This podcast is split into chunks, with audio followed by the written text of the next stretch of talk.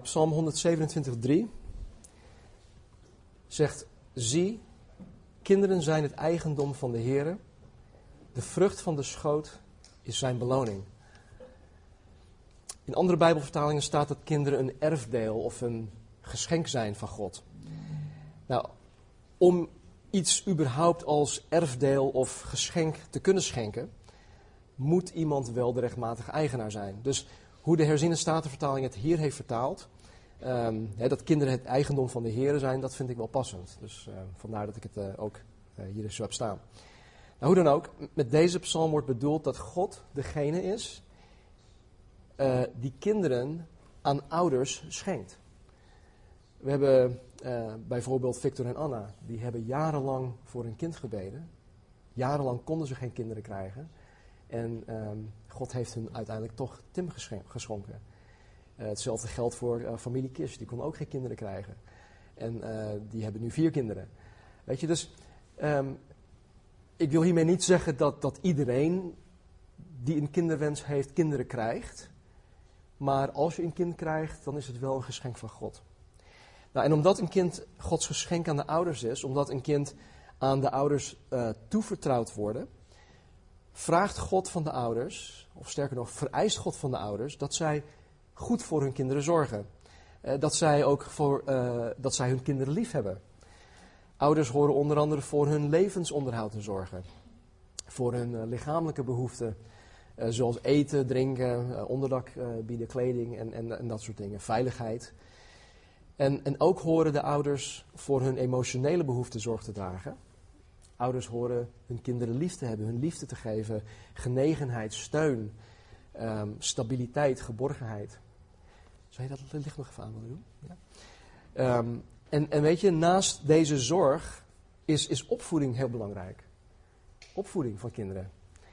Uh, want de opvoeding is, is een leerschool. Het is een voorbereiding op een zelfstandig leven. Het is, eigenlijk is, is, is de opvoeding bepalend in het vormen van het kind. En de Bijbel leert ons dat kinderen ethisch en moreel niet neutraal geboren worden. Nou, wat betekent dat? Dat betekent dat zij niet onschuldig geboren worden. Ze worden geboren als wat de Bijbel noemt een zondaar. En ik weet dat dat voor veel mensen dat dat heel moeilijk te slikken is, maar ik, ik, ik zal dat zo meteen nog even uitdiepen. Eh, de Bijbel zegt dat het hart van de mens arglistig is boven alles. Het is ongeneeslijk ziek. Dat zal ik ook uitleggen. Kinderen zijn dus van nature al zondaren geboren. Um, ik heb nu vijf kleinkinderen. Of Marnie en ik hebben vijf kleinkinderen. En ik, we hebben samen ook vier, eh, vier dochters. En we hoefden geen één van hun te leren om oneerlijk te zijn. Of om egoïstisch te zijn. Of om uh, andere mensen niet te manipuleren. Of de, de vader tegen de moeder uh, in te spelen. Weet je, dus het zit er gewoon in. En dat is die zondige natuur.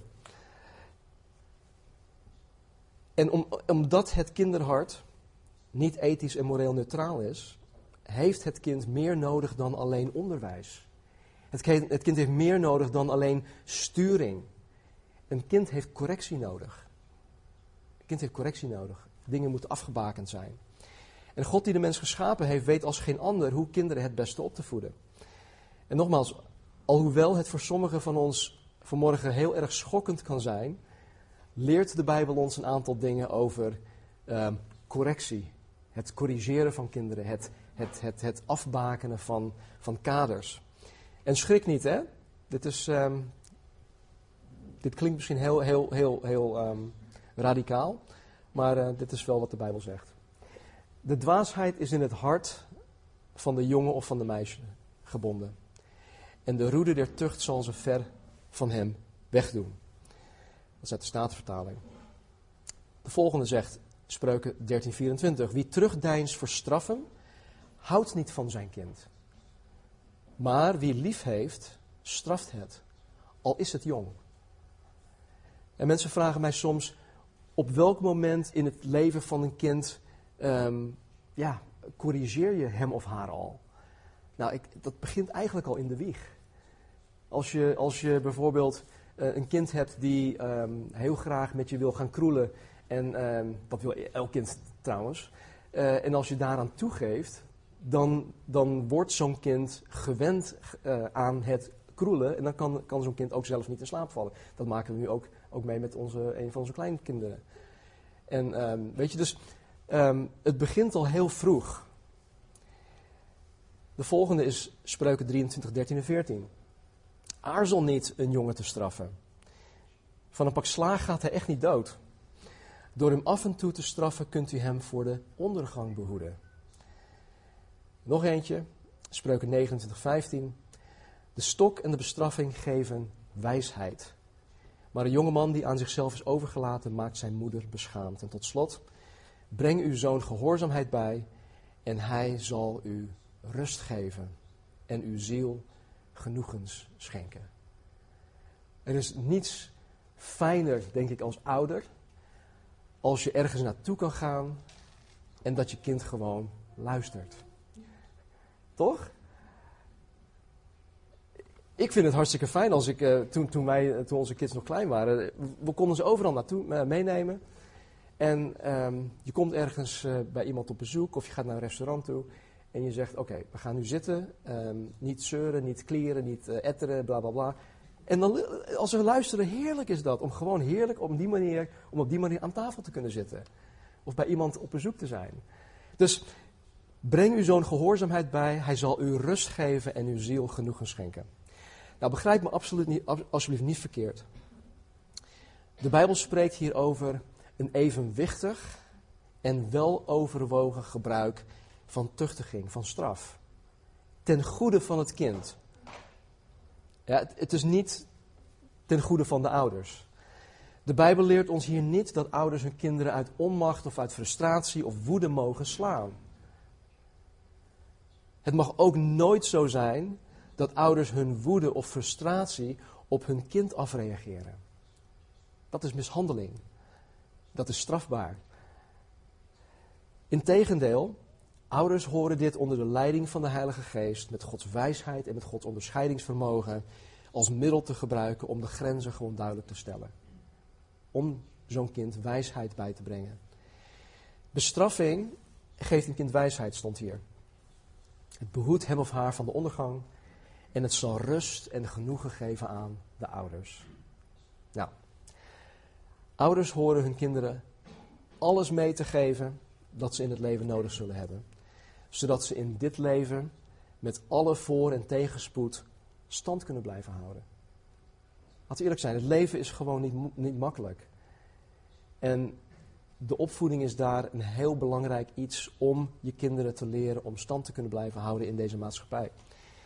En het opvoeden van kinderen is niet alleen je kinderen theoretisch de nodige levenslessen uh, bij te brengen, of hen de nodige vaardigheden bij te brengen. Nee, het is vooral door in de praktijk zelf een goed voorbeeld te zijn voor je kinderen.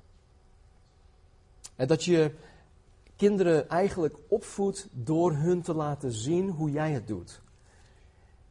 En daar kom, kom er zo meteen nog op terug. Dat God, of dat je kinderen ook zien dat God in jouw leven aan het werk is.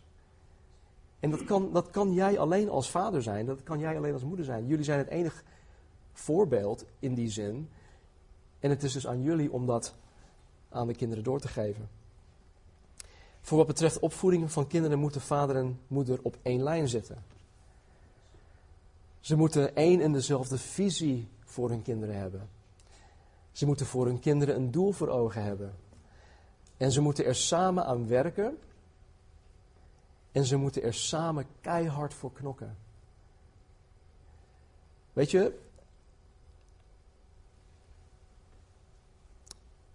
het ouderschap vraagt heel veel van de mens. Vraagt gewoon heel veel van de mens. En het opvoeden van kinderen is, is absoluut niet voor, voor, voor de onverschilligen of voor de lafhartigen. Het, het, verbaast me echt dat in een land zoals Nederland, dat je, dat je voor alles een papiertje nodig hebt. Toch? Je hebt echt voor alles een papiertje nodig. Je moet kunnen aantonen dat je uh, bevoegd bent, of dat je gecertificeerd bent, of dat je bepaalde competenties hebt, bla bla bla. En, maar iedereen kan gewoon een kind krijgen. Zonder die bevoegdheid. En het is juist dat wat, wat bevoegdheid vereist. Het is juist dat wat wijsheid van God vereist. Nou, hoe belangrijk al deze elementen van de opvoeding ook zijn, het allerbelangrijkste in het opvoeden van onze kinderen is dat wij als gelovige ouders onze kinderen over God leren. God heeft elke christelijke ouder de verantwoordelijkheid gegeven om hun kinderen dusdanig op te voeden dat ze God persoonlijk zullen leren kennen zoals God daadwerkelijk is. Christelijke ouders horen hun kinderen te leren over Jezus Christus. Die 2000 jaar geleden naar de aarde toegekomen was om God de Vader aan de mensheid bekend te maken. Christelijke ouders horen hun kinderen te leren dat Jezus de enige echte God is. Dat Hij de redder is, de verlosser en Heere wil zijn voor allen die ervoor kiezen om in Hem te gaan geloven en Hem na te volgen. Jezus zelf zei in Matthäus 19:14: Laat de kinderen toch bij mij komen. Houd ze niet tegen, want het koninkrijk van de hemelen is ook voor hen.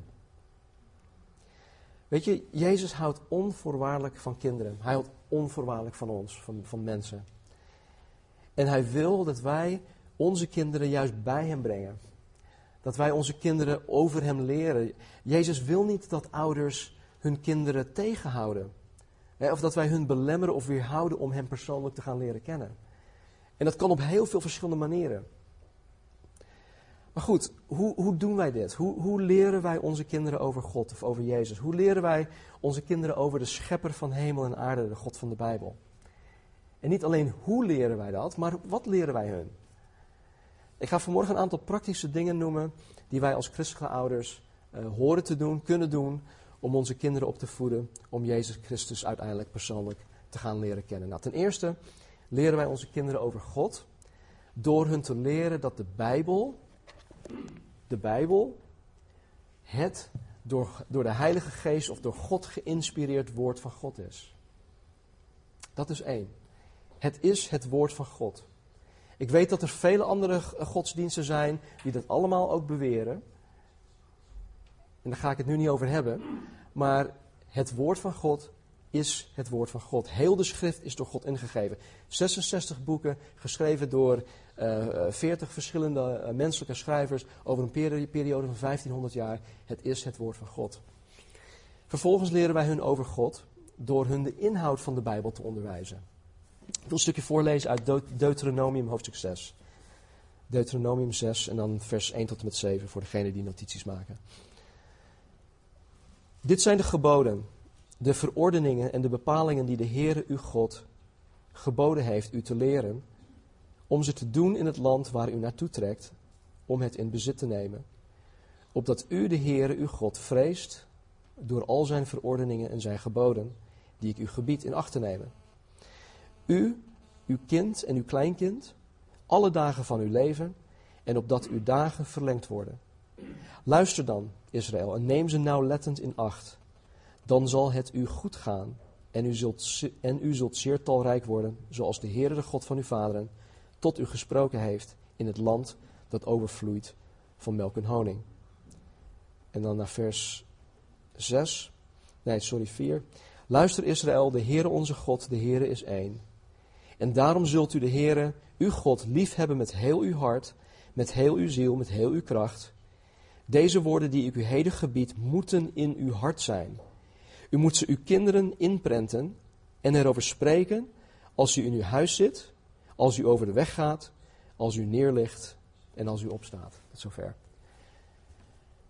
Nou, alhoewel dit specifiek gericht werd aan Israël, horen wij dit Bijbels principe als christelijke ouders ook gewoon toe te passen. Het is onze taak als ouders om Gods woord bij onze kinderen in te prenten. En dat is niet een, een, een, brainwashing zoals sommige mensen dat noemt. Maar het is gewoon dat wij het inprenten, dat wij dat met mensen delen, dat met hun delen, dat het hun eigen wordt. het betekent absoluut niet dat wij als ouders ons geloof ehm, ja, in de strotten van, van onze kinderen horen te proppen. Dat werkt averechts. Maar wel wat hier staat in slide 7. U moet ze uw kinderen inprenten en erover spreken als u in uw huis, huis zit, dus als je thuis bent, als u over de weg gaat, als u neerligt en als u opstaat. Met andere woorden, Gelovige ouders horen Gods woord in het alledaagse leven met elkaar gewoon te bespreken. En dan niet krampachtig van, oh ja, het is nu tijd, we moeten nu even het woord met elkaar bespreken. Nee, het hoort gewoon een, een, een natuurlijk iets te zijn, wat in jou leeft en wat er ook gewoon uitkomt. Op een hele natuurlijke manier. Paulus zegt in, uh, in Colossense dat het woord van Christus rijkelijk in ons hoort te wonen. En dat, dat is ook het geval voor onze kinderen. Dat wanneer het woord rijkelijk in ons woont, dan komt het er ook gewoon uit. En we delen dat op een hele relaxte manier met onze kinderen. Nou, ook leren wij onze kinderen over God door bijvoorbeeld op een hele jonge leeftijd al, uh, bijvoorbeeld uit een kinderbijbel voor te lezen. de waarheden die in de Bijbel staan aan hen uit te leggen. We leren hun onder andere over Gods liefde, over zijn genade, over uh, Gods gerechtigheid, over uh, Gods heiligheid en Gods redding. Al dat soort thema's, al dat soort eigenschappen van God.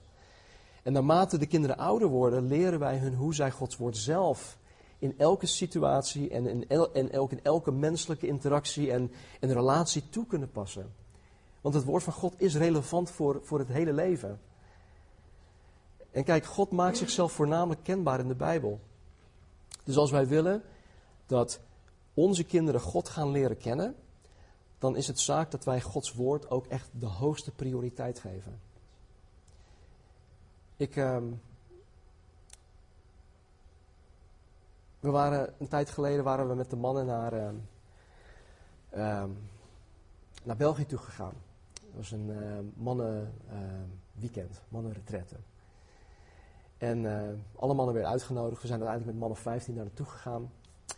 En iemand die, die had ervoor gekozen om niet te gaan, want um, hij had een andere, uh, een ander, ja, hij had iets anders te doen.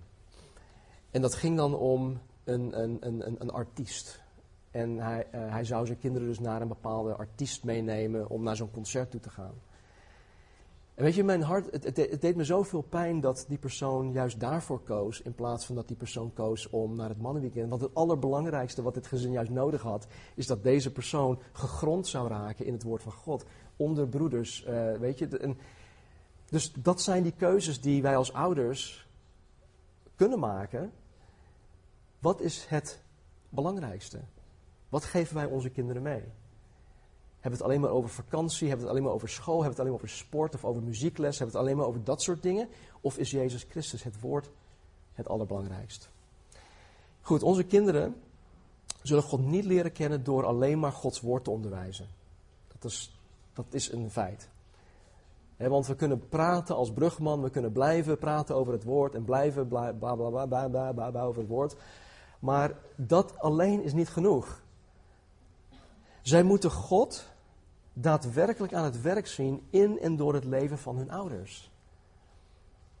2 Timotheus 3, 16 en 17, een prachtig stuk.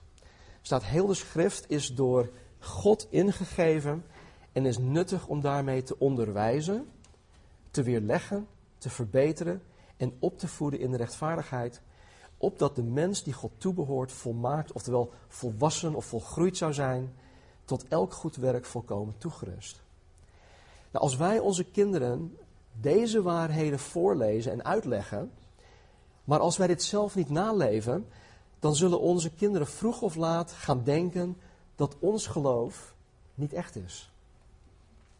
En daarom is het juist van essentieel belang dat wij als gelovige ouders onze kinderen laten zien dat God echt is, doordat wij God ons door zijn woord en Heilige Geest laten veranderen naar zijn beeld. Gods woord verandert ons. Ik weet dat het lastig is om te zien. Het is net alsof je een, een, een, een jongetje bent van vijf of zes jaar oud. En die, die denkt maar van, joh, ja, ik, ik, word, ik word niet langer, ik, ik groei niet. maar als, als opa en oma hem al voor een paar maanden niet hebben gezien, dan zeg je, joh, wat ben jij groot geworden. En zo is het ook met de geestelijke groei. Soms hebben wij dat gewoon zelf niet door. Maar wij horen wel te veranderen. En Gods woord doet dat, de Heilige Geest doet dat in ons. En ik ben, ik ben vandaag niet dezelfde persoon die ik een jaar geleden was. Ik ben weer veranderd. En dat geldt voor jullie die Jezus navolgen ook. Wij leren onze kinderen over God door hun te betrekken bij de christelijke gemeenschap. Het gemeenteleven. Door hun een essentieel onderdeel uit te laten maken van de gemeente, de plaatselijke gemeente. De gemeente is, is heel belangrijk voor Jezus. En daarom is het, hoort het ook belangrijk te zijn voor ons als ouders. En het gemeenteleven is juist zo belangrijk voor onze kinderen. Onze kinderen moeten leren hoe ware gelovigen met elkaar omgaan. En ze hoeven niet alleen het, het glorie halleluja te zien. We zijn familie, we zijn mensen en, en soms botsen we met elkaar. Soms hebben wij problemen, soms hebben wij issues met elkaar. En ik denk dat het ook goed is dat, dat onze kinderen, naarmate hoe, of, uh, ja, hoe volwassen ze zijn, dat het ook goed is dat onze kinderen ons door dat soort zaken heen zien gaan. Want uiteindelijk zullen ze zien dat God ook daarin uitkomst biedt. En dat God ook daarin zegeviert. En dat God ook in die situaties verheerlijkt kan en wil worden. En dat kan alleen wanneer de kinderen betrokken raken in het gemeenteleven. We leren onze kinderen over God door voor hen en samen met hen te bidden.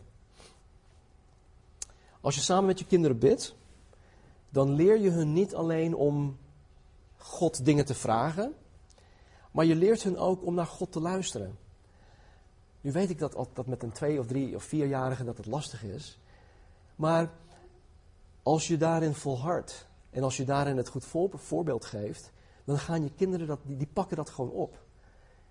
En die, die, die, die horen papa en mama niet een, alleen maar een waslijst van, van dingetjes op, hè, afratelen. Nee, er zullen ook momenten van stilte zijn, Bijbel open, dat ze de stem van God mogen horen.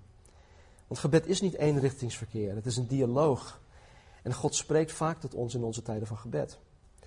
En door samen met je kinderen te bidden, zullen ze zien dat jij als vader en moeder, dat is heel belangrijk, afhankelijk bent van God. Dat je God bij alles betrekt, dat je Gods leiding in alles zoekt en dat je het ook nodig hebt.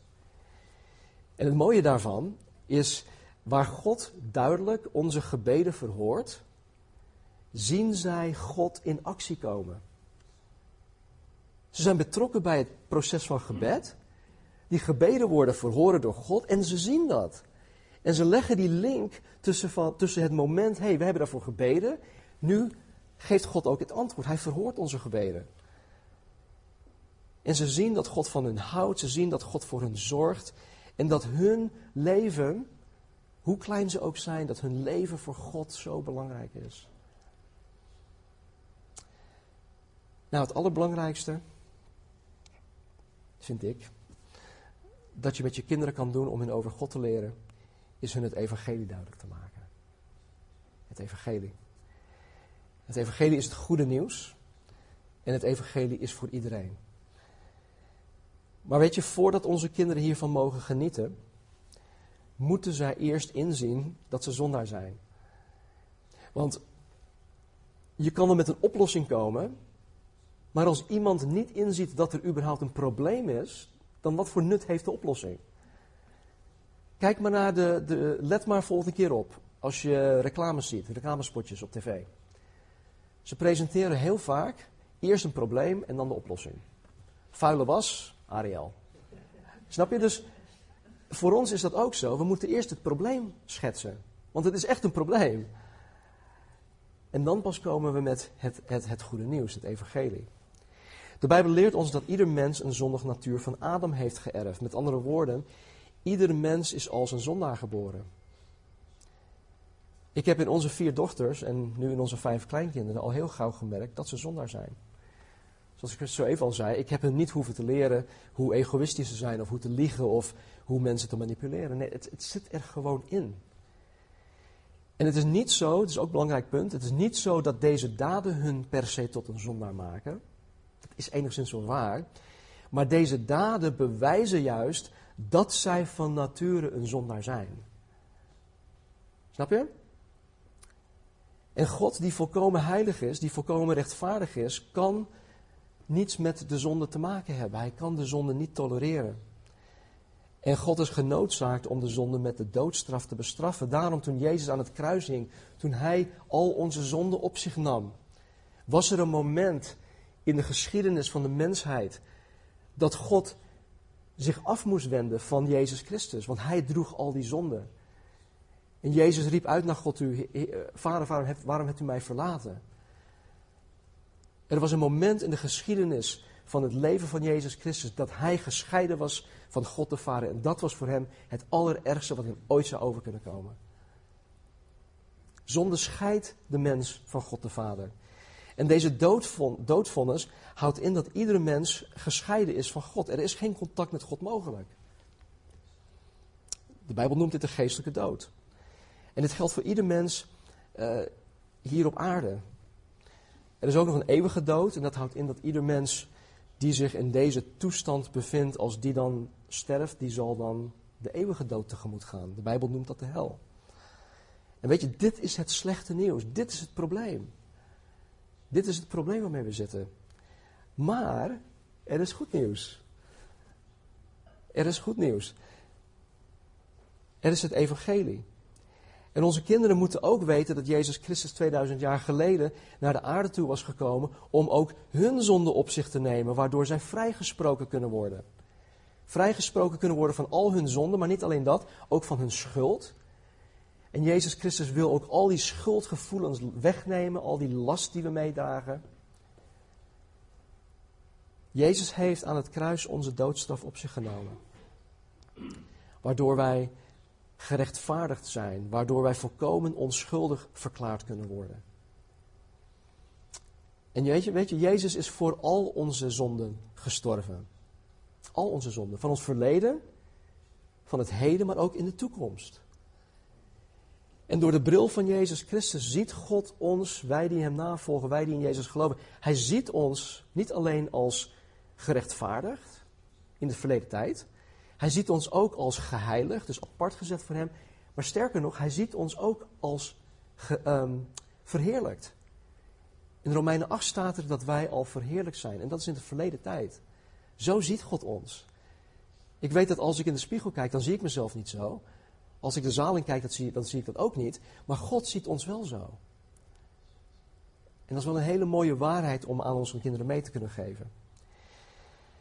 Nou, wat wij onze kinderen duidelijk moeten maken, en hiermee sluit ik af, is dat ze zelf, onze kinderen moeten zelf en persoonlijk hierin gaan geloven.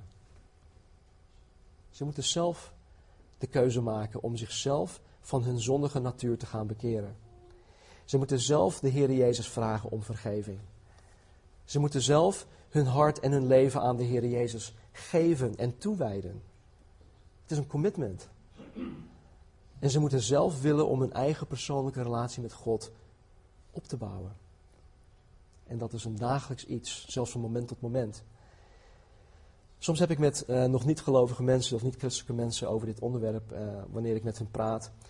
Dan zeggen ze soms dat zij er bewust voor kiezen om hun kinderen niets over God te willen leren. Onze buren bijvoorbeeld, die, die kiezen er bewust voor om hun kinderen op een openbare school te plaatsen, zodat ze niets van God meekrijgen, zodat ze niet gebrainwashed worden. Ze willen God niet bij hun kinderen opdringen, omdat ze hun kinderen zelf willen laten kiezen wanneer zij zogenaamd oud en wijs genoeg zijn. En weet je, dat, dat klinkt dat klinkt heel liefdevol naar hun kinderen toe. Het klinkt ook erg bedachtzaam. Maar dit is in mijn optiek een, een hele foute benadering. Want hoe kan een tiener of jongvolwassene, wanneer ze zogenaamd oud en wijs genoeg zijn, de keus maken om wel of niet in God te gaan geloven, als die God aan hem of haar nooit uitgelegd werd? Hoe kan een jongere de God van de Bijbel, waar zij niets vanaf weten, terecht aanvaarden of terecht verwerpen? Hoe kan een jongere überhaupt een keus maken als datgene waarover gekozen moet worden hun nooit bekend is gemaakt? Snap je dan? Dan, dan kunnen ze wel oud en wijs genoeg zijn, maar dan is er niets waar zij voor of tegen kunnen kiezen. Dan is er eigenlijk geen sprake van een keus. Nu zegt de Bijbel wel, wie niet voor mij is, die is tegen mij. Maar het is, het is fijn als de mens gewoon weet wat zijn mijn opties? En iedereen moet voor zichzelf kiezen. Marnie en ik, mevrouw Marnie en ik, hebben onze vier dochters onder andere geleerd en laten zien dat God onvoorwaardelijk van hun houdt. Dat God uiteindelijk meer van hun houdt dan wij als ouders dat ooit zouden kunnen. We hebben geleerd dat door een eenvoudig geloof en vertrouwen op Jezus Christus zij een persoonlijke relatie kunnen hebben met God. Dat ze dat zelf kunnen hebben. En toen zij in hun tienerjaren, uh, of toen zij hun tienerjaren hadden bereikt, toen zij zogenaamd oud en wijs genoeg waren, hadden ze genoeg gehoord en gezien om een bewuste en weloverwogen keus te maken.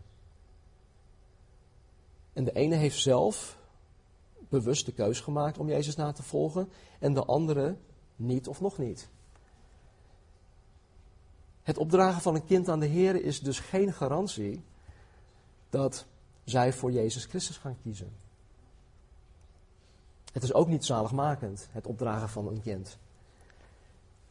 Onze kinderen worden niet behouden door, door hun aan God op te dragen.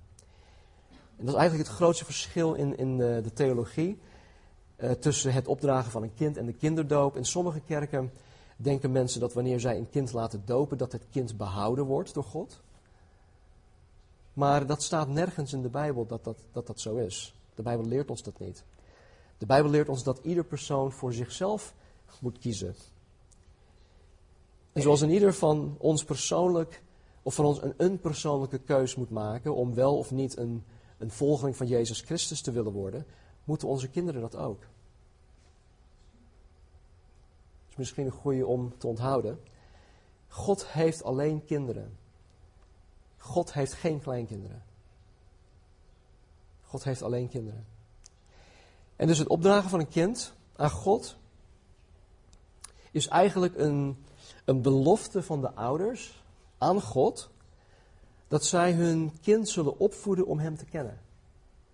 Zodat wanneer het kind er klaar voor is, zelf die keus kan maken.